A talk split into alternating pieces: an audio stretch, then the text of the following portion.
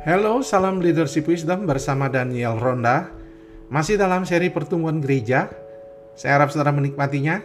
Dan hari ini saya akan mengajak saudara dalam seri selanjutnya berbicara tentang mengapa gereja tidak bertumbuh.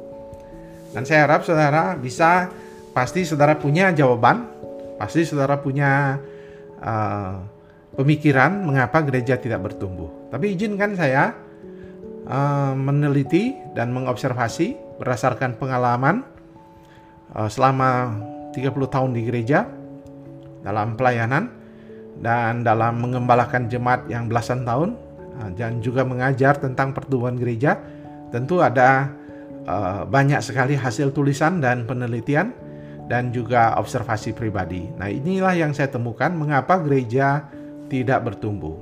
Yang pertama adalah adanya konflik kepemimpinan. Jadi itu yang terbesar.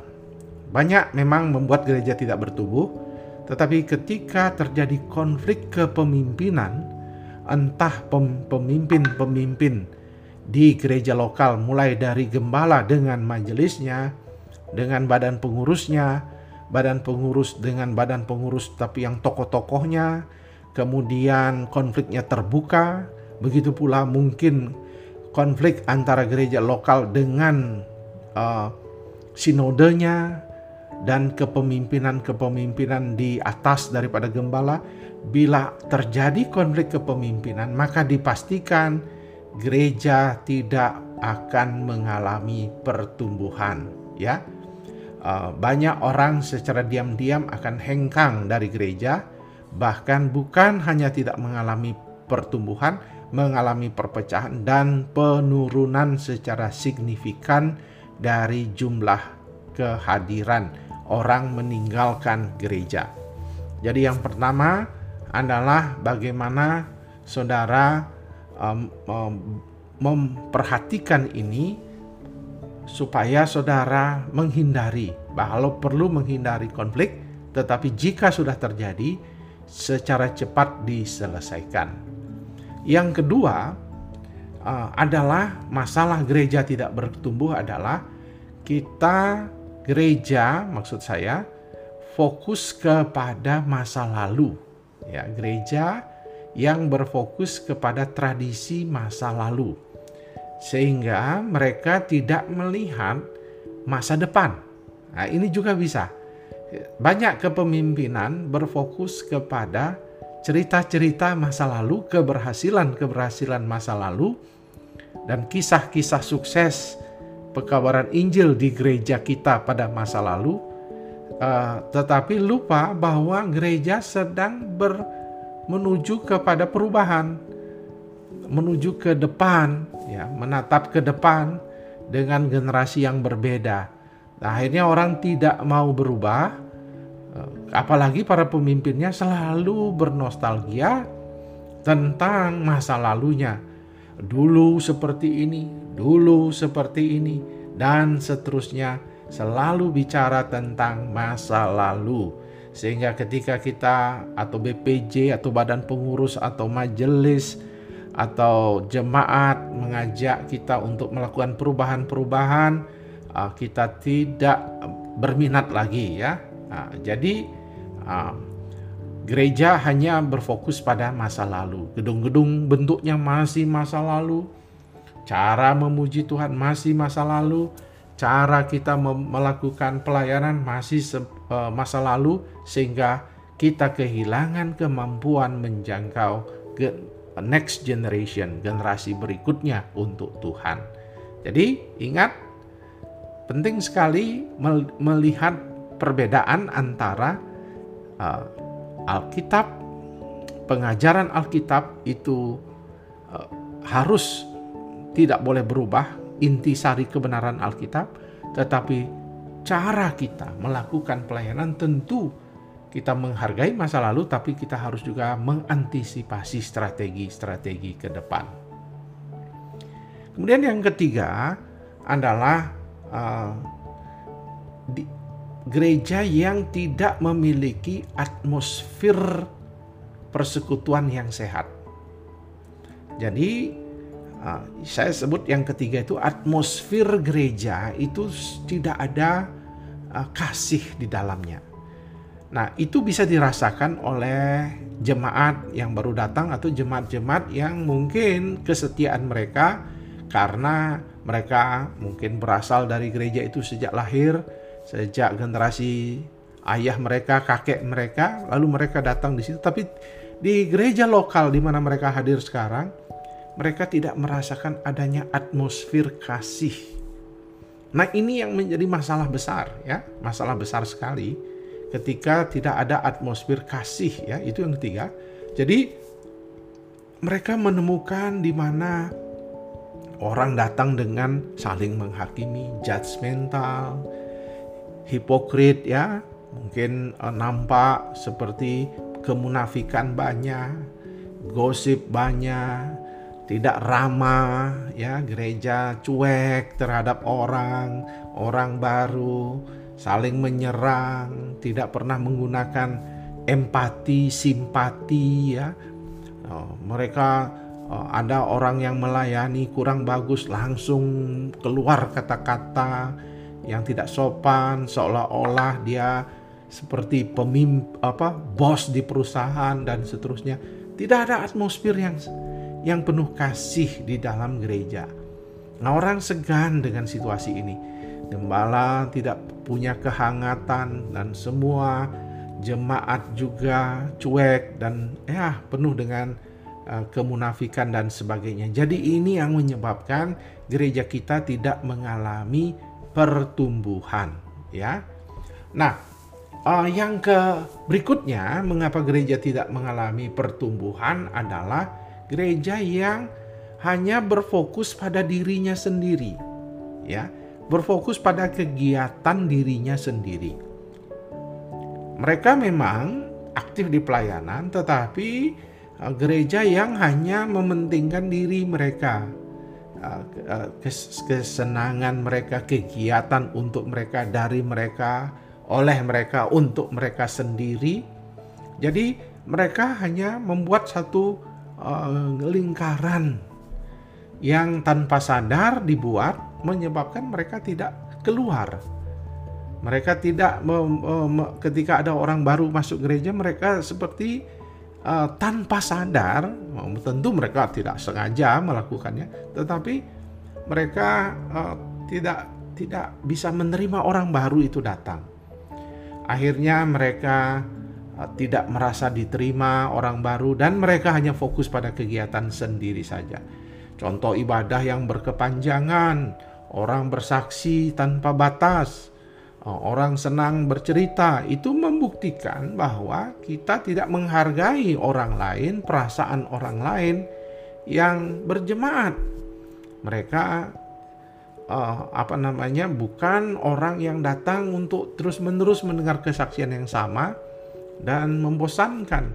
Dan ini yang kita harus ingat, jangan berfokus pada internal tetapi eksternal keluar. Bagaimana melayani? Syukur dalam masa pandemi ini banyak jemaat sudah melakukan pelayanan online keluar melakukan pelayanan ekstensi. Tuhan meminta kita melakukan hal yang demikian. Nah mengapa gereja tidak bertumbuh? Yang kelima adalah ketika kita tidak relevan lagi. Artinya ketika kita melihat budaya di sekitar kita, perkembangan yang terjadi di sekitar kita, teknologi yang ada di sekitar kita, kita anggap itu sebagai sesuatu yang membahayakan, bahkan itu kita anggap sebagai musuh kita. Jadi uh, pop culture yang ada sekarang, budaya pop, budaya anak muda ini dianggap musuh gereja yang berbahaya bagi kehidupan gereja. Sehingga gereja berseberangan dengan uh, gereja uh, budaya sehari ini. Uh, sehingga gereja tidak relevan lagi. Jadi kita harus ingat gereja tidak akan pernah bertumbuh kalau gereja tidak masuk di dalam budaya. Kalau kita melihat buku-buku kontekstual buku-buku pekabaran Injil para misionari dulu mereka masuk ke dalam budaya tetapi kemudian di situ dia memilah mana yang harus dibuang dan mana yang harus ditransformasi digunakan dan mana yang harus diubahkan dan seterusnya atau yang bisa digunakan. Jadi gereja seharusnya melakukan hal yang sama seperti para misionari kita dulu ketika menghadapi budaya baru ini. Bukan hanya ketika dia datang kepada orang Dayak, orang Papua, orang Manado, ketika itu dia pandai mengolah para misionari itu. Mana budaya yang harus dibuang, mana yang harus dibiarkan, mana yang harus ditransformasi. Kita juga harus melakukan hal yang sama ketika kita menjadi pemimpin saat ini di gereja dengan budaya modern ini, kita harus memakai pendekatan yang sama dalam pendekatan kontekstual itu.